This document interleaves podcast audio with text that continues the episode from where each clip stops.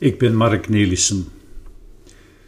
Vandaag wil ik een onderwerp voorleggen dat op het eerste zicht niet thuis hoort in de biologie, zeker niet in de evolutiebiologie, maar waarmee we wel voortdurend geconfronteerd worden, zelfs dagelijks. Ik bedoel humor.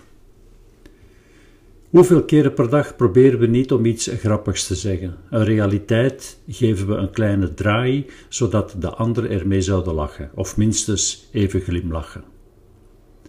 Of we vertellen ronduit moppen of halen grappen uit, we willen de anderen doen lachen. In een gezellig samenzijn op café of op een feestje is het lachen meestal een hoofdbezigheid. Wie het lachen het best kan in gang zetten, de beste grappen op tafel gooit, is de held.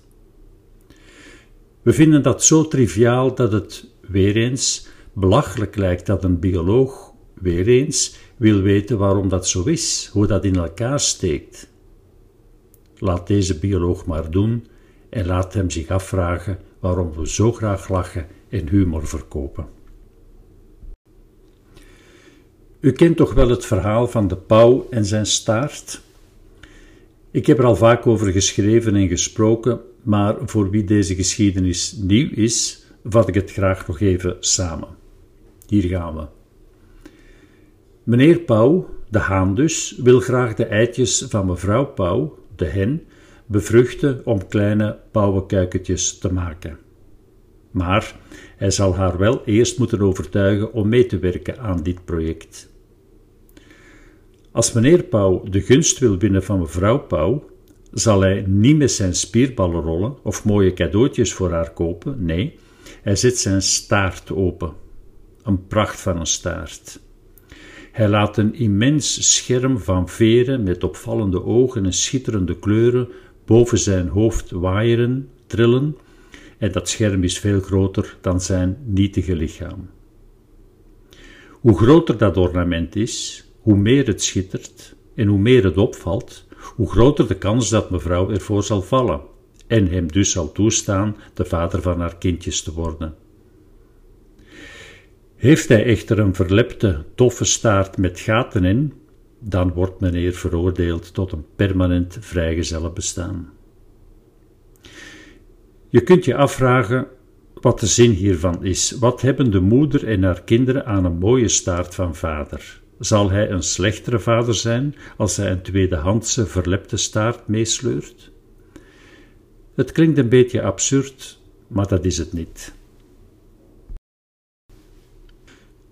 Om het biologisch mechanisme van dit verhaal te begrijpen, moeten we even terug naar de woorden die ik zo even gebruikte: cadeautjes kopen. Dat gaat over precies hetzelfde systeem en is even absurd als u wil. Waarom koopt meneer Mens een presentje voor mevrouw Mens? Wel, om haar het hof te maken. Als we dit gedrag even door de evolutionaire bril bekijken en de functie ervan bij onze voorouders onder de loep nemen, dan is het al flink wat minder absurd. Een man die in staat was om cadeaus te schenken aan een vrouw, was rijk genoeg om haar ook voedsel of andere dingen te geven en haar dus te onderhouden wanneer zij voor de kinderen moet zorgen. Hoe meer een man kon schenken, hoe meer de vrouw later op hem zou kunnen rekenen.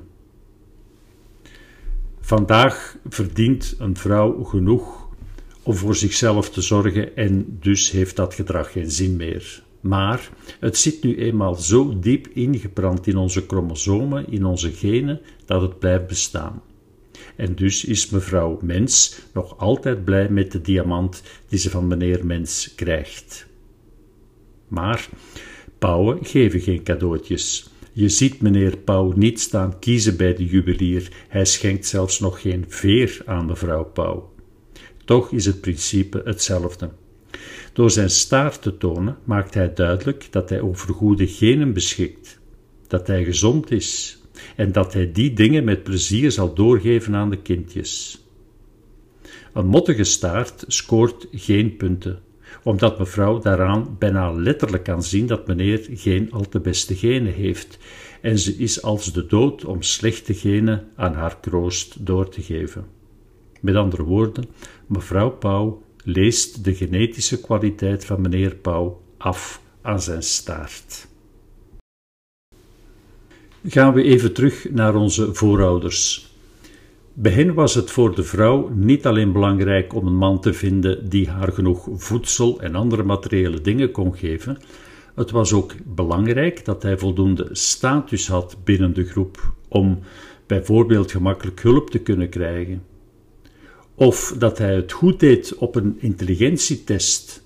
Hoe slimmer een man was, hoe gemakkelijker hij oplossingen kon voorzienen voor onvoorziene problemen. En dat verhoogt de overlevingskansen van de kinderen. Domme mannen konden beter thuis blijven en sudokus oplossen dan rokken te jagen. Vrouwen verkozen en verkiezen nog steeds mannen met intelligentie. Maar hoe kon een man duidelijk maken dat hij intelligent genoeg was? Een cadeautje geven zou niet volstaan, dat kan iedereen. Met diploma's zwaaien, wiskundige formules in het rond strooien, nee, dat hielp ook niet. Maar wel grappen vertellen, blijk geven van gevoel voor humor, de clown uithangen. Misschien volgt u even niet meer. Laten we dan eens kijken naar de essentie van humor. Een grap is een combinatie van drie dingen. 1. Een situatie die als normaal wordt aanvaard. 2. Een toevalligheid. En 3. Een grote of kleine schending van onze moraal. Zoals die man die het ziekenhuis verlaat en duidelijk pijn heeft bij het stappen.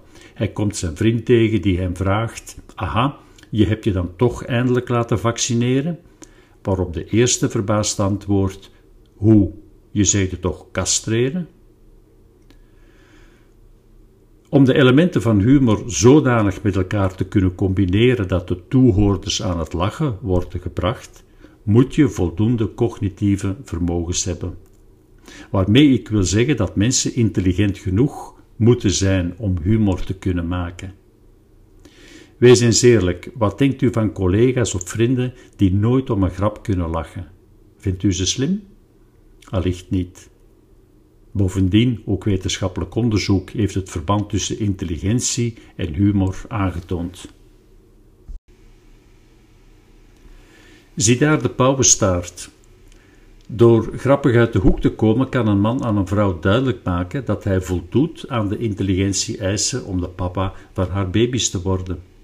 Maar dan wel met goede humor, geen bananenschillen humor. De vrouw leest het IQ van de man af aan de mate waarin hij haar aan het lachen maakt. Dat is de reden waarom mannen in gezelschap steeds weer proberen grappen te verkopen en dat vrouwen er met alle plezier naar luisteren. Ze schatten al die staarten naar waarde. En dat is ook de reden waarom je humor terugvindt in elk lijstje van vrouwen die aangeven wat ze in een man als mogelijke partner waarderen.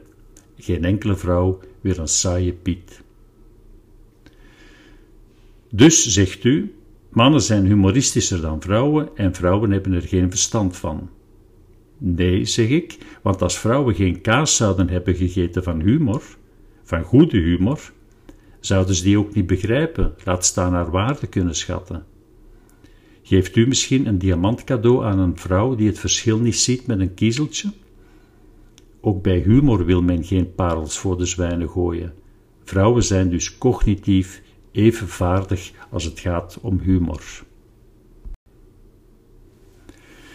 En toch zie je veel meer mannen op het tappen zijn er veel meer mannelijke stand-up comedians dan vrouwelijke. Waarom? Omdat die mannen voortdurend bezig zijn hun staart open te zetten, zodat vrouwen het dan met hun hart zouden doen. Vrouwen hebben die behoefte niet, of veel minder. Ze pakken mannen op hun eigen manier in, maar dat is een ander verhaal. De behoefte niet hebben is niet hetzelfde als het niet kunnen. Ons streven naar gelijkheid tussen man en vrouw heeft veel dingen goede dingen gedaan. Bijvoorbeeld, mannen hadden de behoefte niet om mensen te verzorgen. Toch zijn er vandaag steeds meer mannelijke verplegers. Vrouwen hadden de behoefte niet om grappen te verkopen. Toch zijn er nu steeds meer vrouwelijke cabaretiers en verdomd goeie ook nog. Ze kunnen het en doen het ook. Gelukkig maar. want het is een enorme verrijking van, van ons cultureel patrimonium, gedaan met de macho-staarten. Tot een volgende keer.